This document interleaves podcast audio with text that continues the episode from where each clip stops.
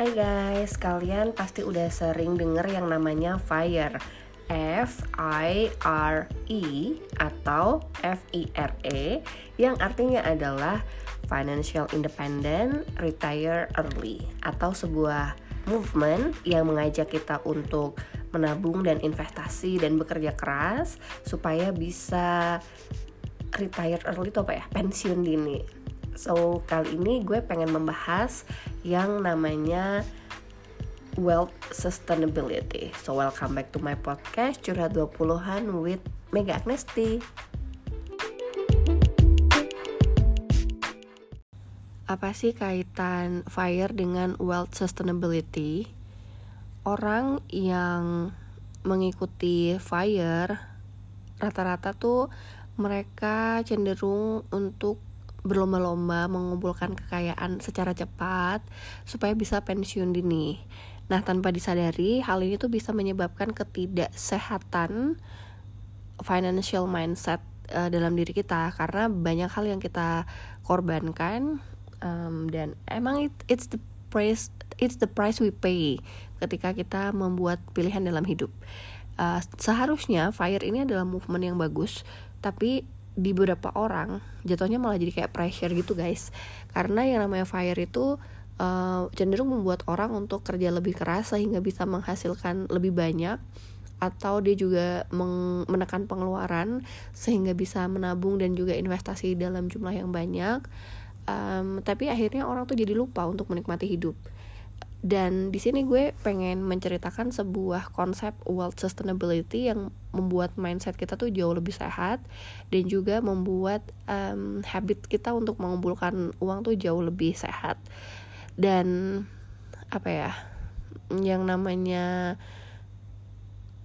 mengumpulkan kekayaan atau mengakumulasikan kekayaan anggap aja ini tuh sebuah maraton bukan sprint. So that's why setelah 2-3 tahun ini gue mempelajari tentang personal finance dan investment gue prefer untuk melakukan uh, pengumpulan kekayaan atau akumulasi kekayaan secara maraton dan juga at the end of the day um, kita bisa menikmati dari apa yang kita kumpulkan tersebut. Seperti yang tadi gue bilang nih kalau fire semangatnya tuh menekan pengeluaran dan juga memperbanyak income. Nah, kalau kalian amati tren ini tuh lagi musim banget nih. Jadi kita tuh disarankan untuk memiliki beberapa uh, income stream sehingga kita bisa save more and invest more. Di sisi lain, kita juga di encourage untuk bisa menekan pengeluaran sehingga sisa uang dari gaji kita itu bisa lebih banyak ditabung dan diinvestasikan. Sebenarnya ini gak ada masalah banget ini ajakan yang baik cuman karena kita membuat apa ya hmm, bukan membuat kita itu berpikirnya pengennya cepet cepet cepet cepet mencapai tujuan itu jadi akhirnya kita banyak banget yang dikorbankan seperti waktu istirahat kemudian uh, kita live under our mean atau atau hidup di bawah kemampuan kita uh, ja, untuk menikmati kebahagiaan di masa depan. Nah, kalau misalnya kalian nggak ada masalah dengan ini juga nggak apa-apa. Kalau misalnya kalian ngerasa bahwa oke okay, jam tidur gue berkurang tapi income gue nambah nggak ada masalah. Tapi for some people yang fisiknya nggak kuat itu tuh bisa menjadi masalah kesehatan di masa mendatang.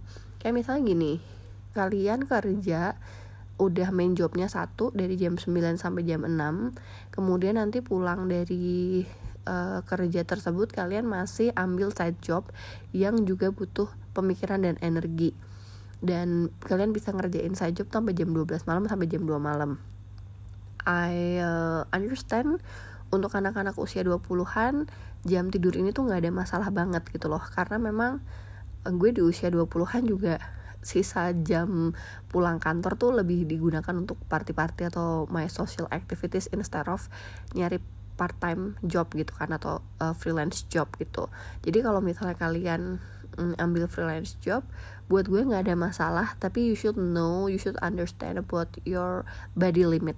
Kalau misalnya kalian ngerasa bahwa um, kalian nggak bisa tidur terlalu larut malam kalian tetap butuh istirahat kalian nggak pengen banyak-banyak stres eh, nggak usah terlalu ngoyo dalam mencari side streaming. Jadi hmm, mungkin kalian bisa mencari pekerjaan yang nggak harus berpikir banyak gitu. Karena misalnya kalau gue kayak kemarin sempat uh, freelance jobnya kan uh, sebagai konsultan marketing ya dan gue harus mempersiapkan proposal harus mikirin strategi belum lagi implementasinya itu cukup makan pikiran, makan energi, makan waktu. Jadi ketika kalian jadi mm, marketing manager terus tetap mengerjakan marketing consultant seperti itu, it's just a priority of your time and your energy sih. Apakah lo mau prioritize your time untuk doing those kind of thing for a few atau short time of period atau kalian emang ya udah uh, I want it. Karena gue pengen meningkatkan income gue itu juga nggak ada masalah. So first thing first kalau kalian pengen ngambil atau meningkatkan income dengan punya freelance job atau part time job make sure bahwa itu nggak consume your energy as much as your main job. Kedua ketika kalian menekan pengeluaran nggak ada salahnya kalian memang um, apa ya menikmati hidup sesuai dengan kemampuan kalian bukan di atas kemampuan kalian. Dan kalau misalnya kalian memilih untuk di bawah kemampuan kalian menekan pengeluaran tuh ada banyak cara. Misalnya kalian memilih untuk belanja di tanggal kembar supaya lebih murah gitu kan. Terus kalian juga mungkin bisa belanja pakai credit card tapi langsung dibayar bulan depan.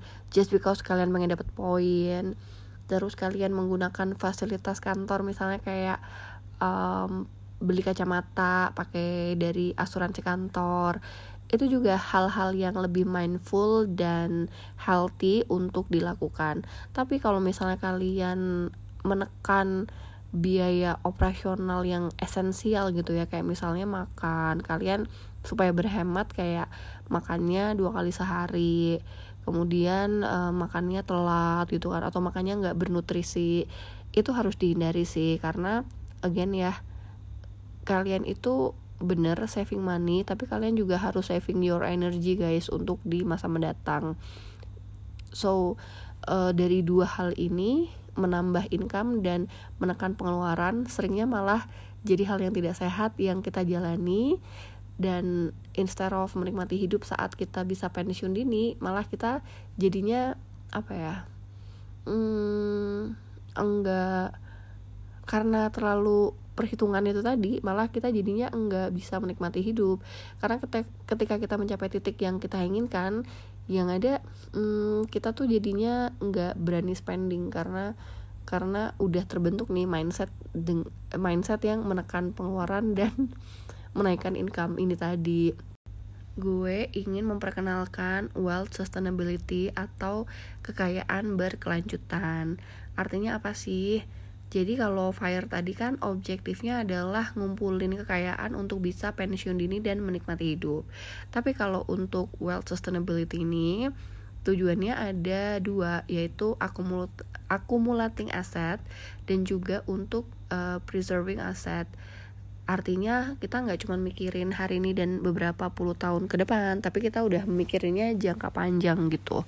Dalam teori keuangan kita mengenal yang namanya istilah accumulating asset atau asset accumulation. Artinya gimana caranya kita bisa menggandakan uang kita in a positive way. Nah menggandakan kekayaan kita ini tentu saja dengan menabung dan juga investasi. Sementara kalau yang kedua adalah uh, preserving aset atau melindungi aset. Nah, apa sih yang maksudnya melindungi aset gitu? Kenapa sih aset harus dilindungi? Karena kalau misalnya kita hidup untuk beberapa tahun ke depan ya, tentu saja kita akan uh, menghadapi resiko yang namanya inflasi. Nah, kita itu harus melindungi aset dari inflasi ini karena nggak ada artinya kita punya uang 1M hari ini tapi ternyata inflasinya sampai dengan 10% sehingga 1M lo itu ya cuman berarti kayak 100 juta aja gitu. So the thing is ketika kita sudah berhasil ngumpulin aset kemudian kita melindungi aset maka yang kita lihat nggak cuman hari ini dan uh, setelah kita pensiun untuk menikmati hidup tapi secara berkelanjutan dari proses kita mengumpulkannya kemudian mendapatkannya sampai akhirnya melindungi untuk keberlangsungan kekayaan kita along the journey we enjoy our life. Bagaimana caranya Nah, karena kita harus paham dulu nih bahwa hidup ini adalah konsepnya maraton bukan sprint. So lo nggak cuman ambisius di depan tapi lo membagi energi lo dan ambisi lo itu secara bertahap. Di usia 20-an you know what to do. Di usia 30-an lo sudah uh, paling tidak kalau secara ideal ya di usia 30 lo sudah menikmati uh, kenaikan gaji, lo menikmati hasil dari investasi lo, di usia 40 nambah terus, di uh, di usia 50 juga seperti itu, 60 begitu. Ketika udah retire lo juga menurunkan kekayaan ke anak-anak lo, lo sendiri juga masih bisa independen sampai akhirnya ketika lo menua, lo masih punya uang untuk beraktivitas sesuka hati lo. Dan ketika lo meninggal lo masih bisa memberikan bekal kepada uh, anak maupun cucu lo nanti. Jadi yang namanya sustain itu berkelanjutan dan lo juga tetap harus enjoy dalam mengumpulkan hal tersebut. Karena kalau enggak lo tuh akan ngerasa titik lo uh, financial independence itu adalah one destination dan ketika pensiun ini lo itu juga anggap sebagai destination.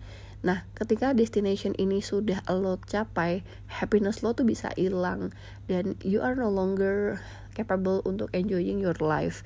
Belum lagi ketika lo ambitious di depan, uh, lo udah mengeluarkan banyak energi untuk hal ini untuk saving untuk invest tapi you you didn't take care of yourself you didn't take care of your health. Pada akhirnya ketika lo punya capability dan kesempatan untuk menikmati hidup and then you are collapse gara-gara kesehatannya nggak dijaga.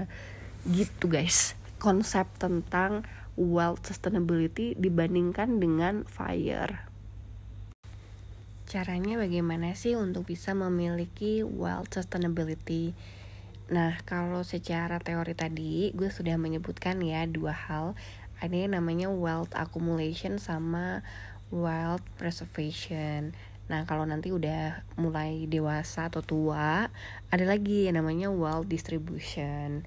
Nah, kita fokusnya kedua hal aja ya, yang wealth accumulation sama wealth preservation.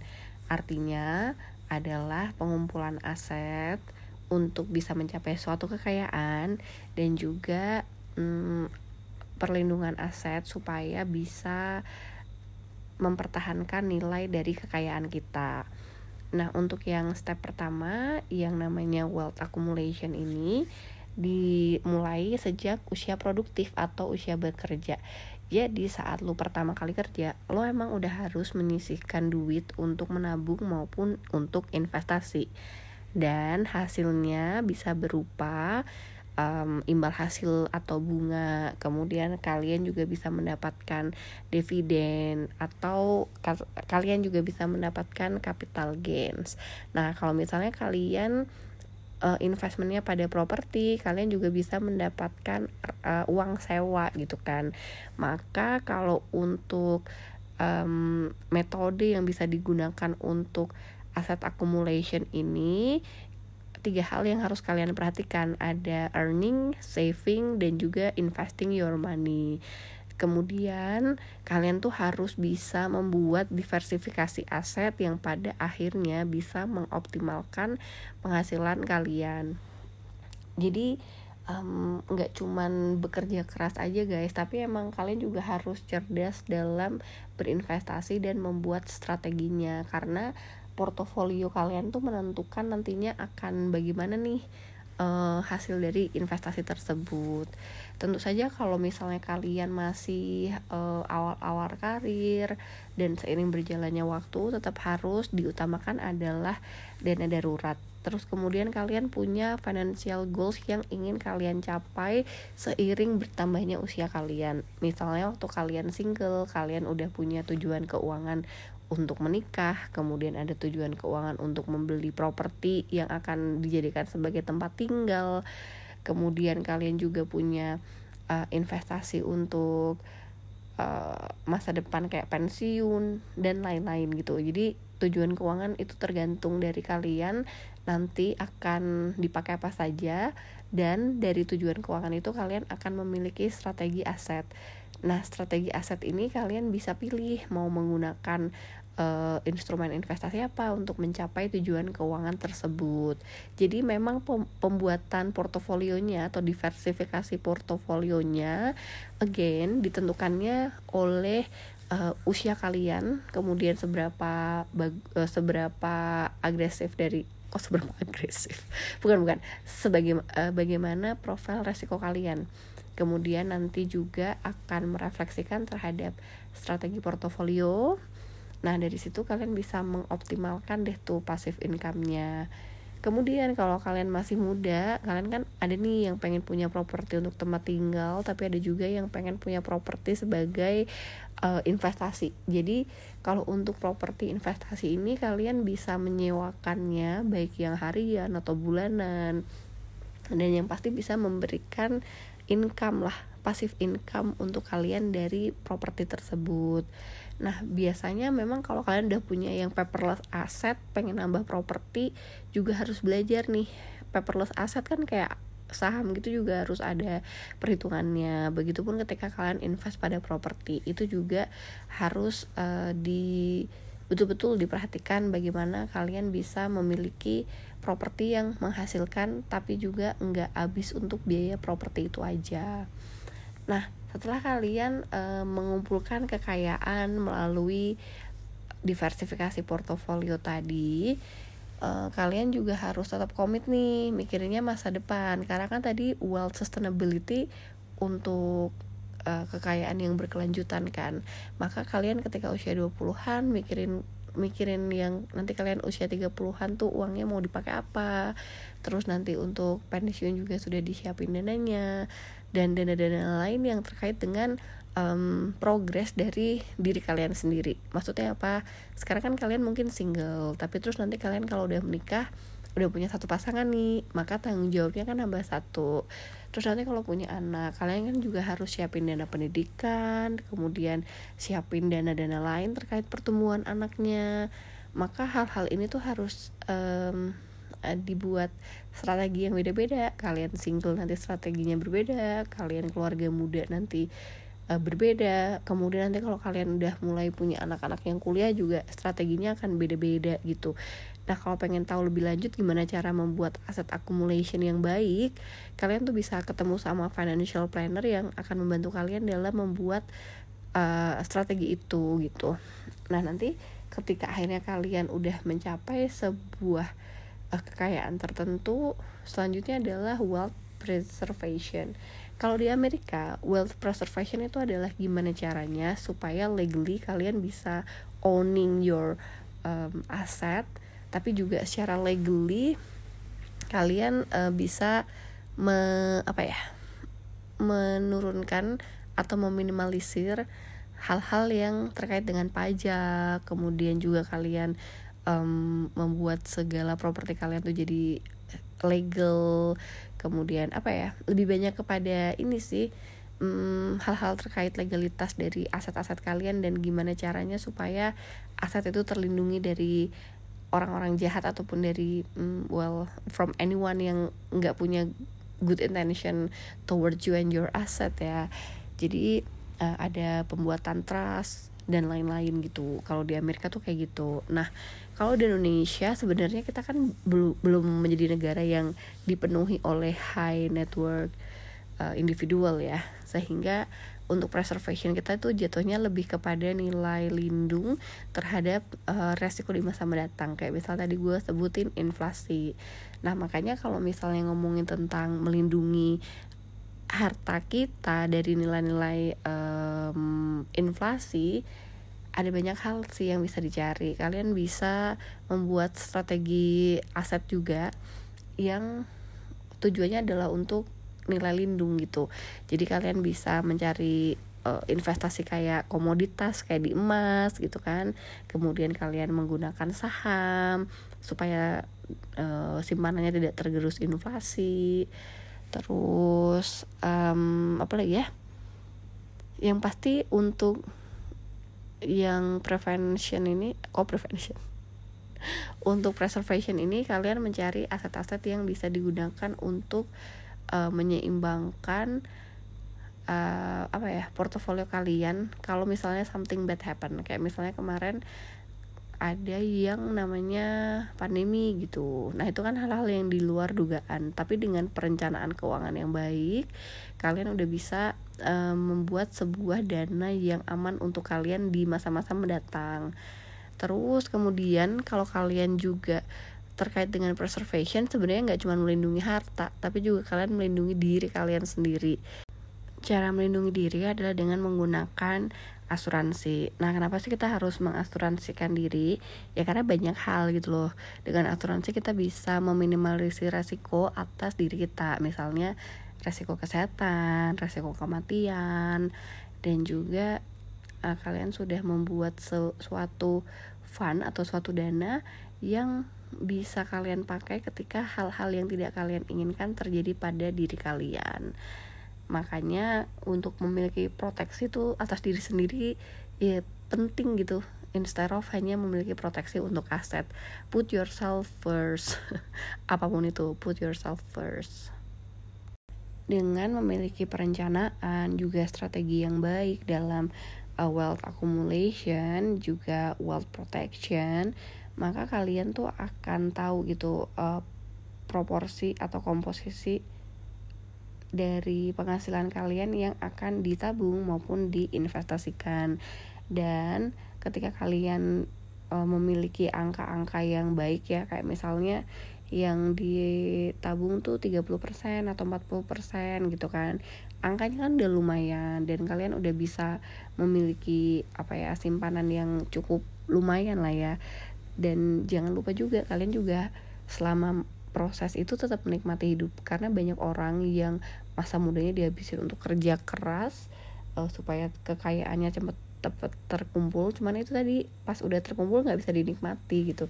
Atau pas uh, sudah terkumpul kalian uh, punya mindset yang kayak gak feeling guilty gitu loh ketika kalian spending.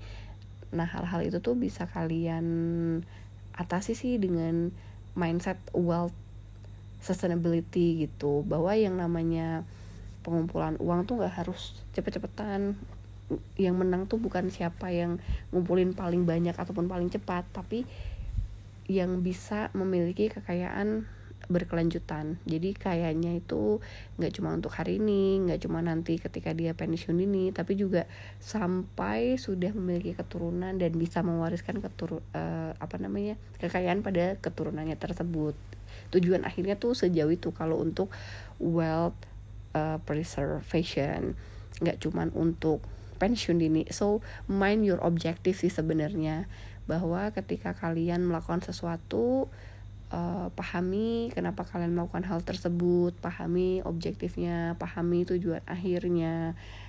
Kemudian barulah kalian akan bisa menemukan path untuk menuju ke tujuan itu dan nikmati semua prosesnya. Jangan kayak terburu-buru, tergesa-gesa untuk mencapai suatu destinasi tapi kalian nggak pernah menikmati um, proses selama kalian mengumpulkan aset ataupun kekayaan itu kalian tidak menikmati saat kalian berusaha untuk melindungi kekayaan kalian jadi hmm, enjoy the proses lah dan jangan terlalu ngoyo sampai akhirnya abuse your health gitu dan sebenarnya untuk hidup sesuai dengan kemampuan itu udah cukup bagus sih nggak usah yang sampai harus uh, di bawah kemampuan kalian hanya demi untuk mengumpulkan kekayaan secepat-cepatnya. Ingat hidup kita itu maraton bukan sprint. Jadi always put yourself first. Uh, bikin perencanaan dan strategi yang bagus, objektifnya jangka panjang, nggak cuman objektif temporary dan juga sesaat.